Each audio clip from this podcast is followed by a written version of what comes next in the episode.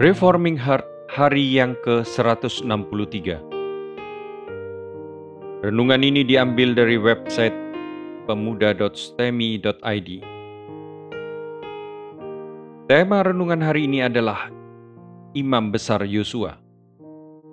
Mari kita membaca Alkitab dari kitab Zakaria pasal 3 ayat 1 sampai ayat yang ke-10. Demikianlah firman Tuhan. Penglihatan keempat Imam Besar Yosua. Kemudian ia memperlihatkan kepadaku Imam Besar Yosua berdiri di hadapan malaikat Tuhan, sedang iblis berdiri di sebelah kanannya untuk mendakwa dia. Lalu berkatalah malaikat Tuhan kepada iblis itu, Tuhan kiranya menghadrik engkau, hai iblis. Tuhan yang memilih Yerusalem kiranya menghadrik engkau. Bukankah dia puntung yang telah ditarik dari api? Adapun Yosua mengenakan pakaian yang kotor waktu dia berdiri di hadapan malaikat itu, yang memberikan perintah kepada orang-orang yang melayaninya. Tinggalkan pakaian yang kotor itu daripadanya. Dan kepada Yosua ia berkata, Lihat, dengan ini aku telah menjauhkan kesalahanmu daripadaku, aku akan mengenakan kepadamu pakaian pesta. Kemudian dia berkata, taruhlah serban tahir pada kepalanya. Maka mereka menaruh serban tahir pada kepalanya dan mengenakan pakaian kepadanya, sedang malaikat Tuhan berdiri di situ. Lalu malaikat Tuhan itu memberi jaminan kepada Yosua katanya, Beginilah firman Tuhan semesta alam, apabila engkau hidup menurut jalan yang kutunjukkan dan melakukan tugas yang kuberikan kepadamu, maka engkau akan memerintah rumahku dan mengurus pelataranku, dan aku akan mengizinkan engkau masuk ke antara mereka yang berdiri melayani di situ. Dengarkanlah, hai imam besar Yosua, engkau dan teman-temanmu yang duduk di hadapanmu, sungguh kamu merupakan suatu lambang, sebab sesungguhnya aku mendatangkan hambaku, yakni Sang Tunas. Sebab sesungguhnya permata yang telah kuserahkan kepada Yosua, suatu permata bermata tujuh Sesungguhnya aku akan mengukirkan ukiran di atasnya. Demikianlah firman Tuhan semesta alam. Dan aku akan menghapuskan kesalahan negeri ini dalam satu hari saja. Pada hari itu, demikianlah firman Tuhan semesta alam. Setiap orang daripadamu akan mengundang temannya duduk di bawah pohon anggur dan di bawah pohon arah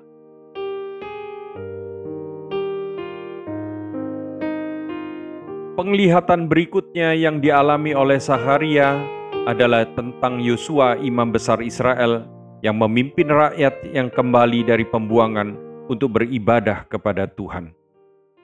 Esra 3 ayat 2 dan Hagai 2 ayat 3.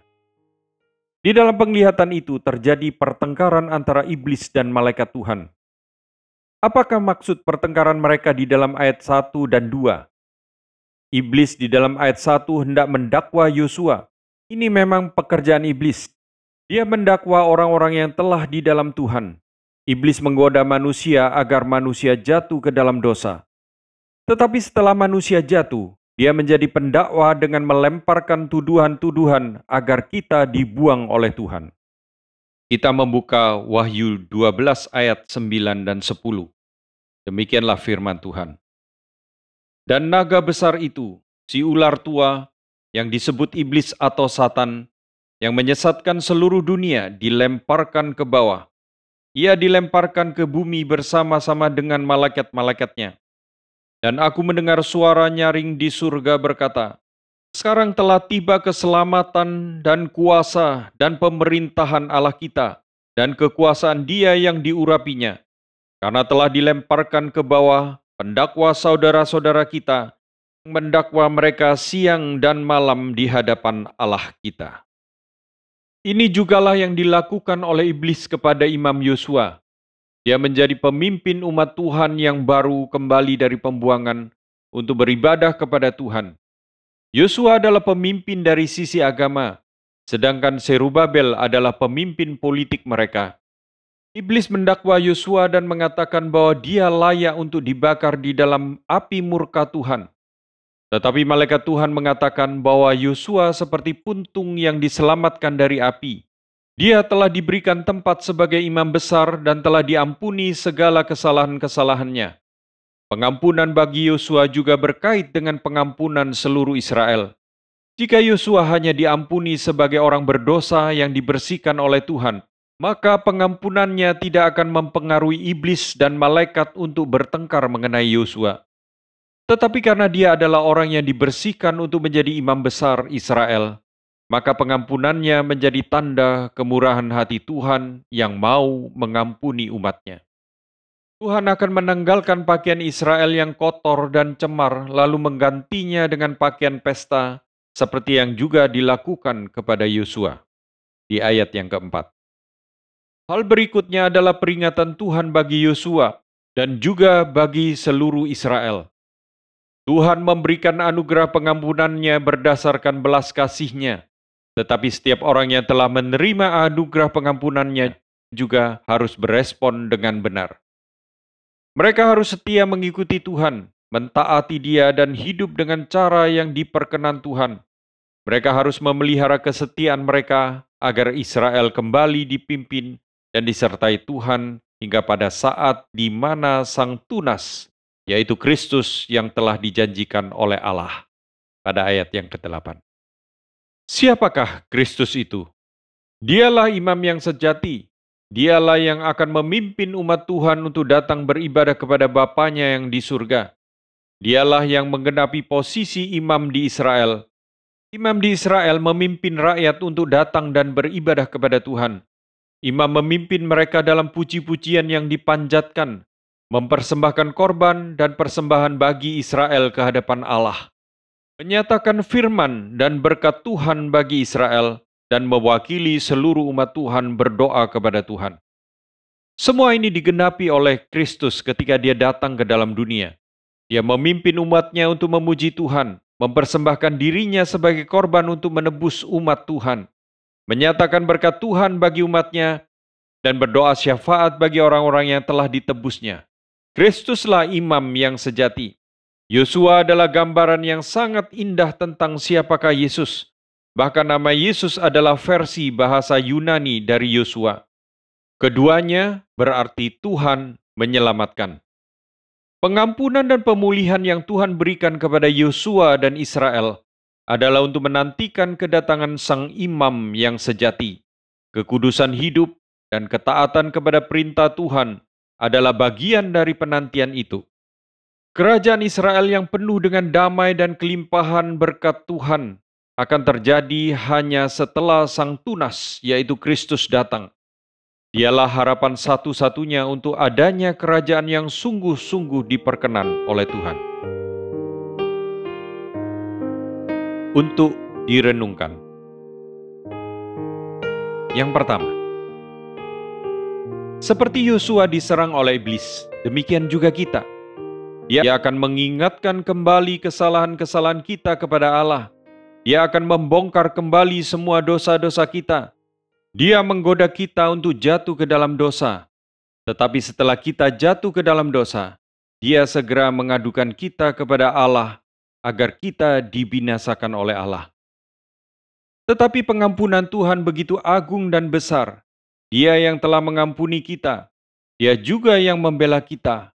Bahkan Kristus, Sang Hakim seluruh dunia itu, menjadi pembela kita di hadapan Allah. Betapa besar pengampunan yang kita terima. Seperti Yosua, kita pun adalah puntung yang dengan segera ditarik dari api sebelum terbakar hangus. Kita yang begitu dekat dengan pembuangan kekal karena terus-menerus menolak Allah, akhirnya diselamatkan oleh Kristus dengan darahnya. Keagungan pengampunan Tuhan yang kita terima ini adalah puncak dari pernyataan Allah di dalam pemanggilan Israel. Abraham Ishak dan Yakub dipilih oleh Tuhan untuk menjadi bapa-bapa dari sebuah bangsa yang besar, yaitu Israel.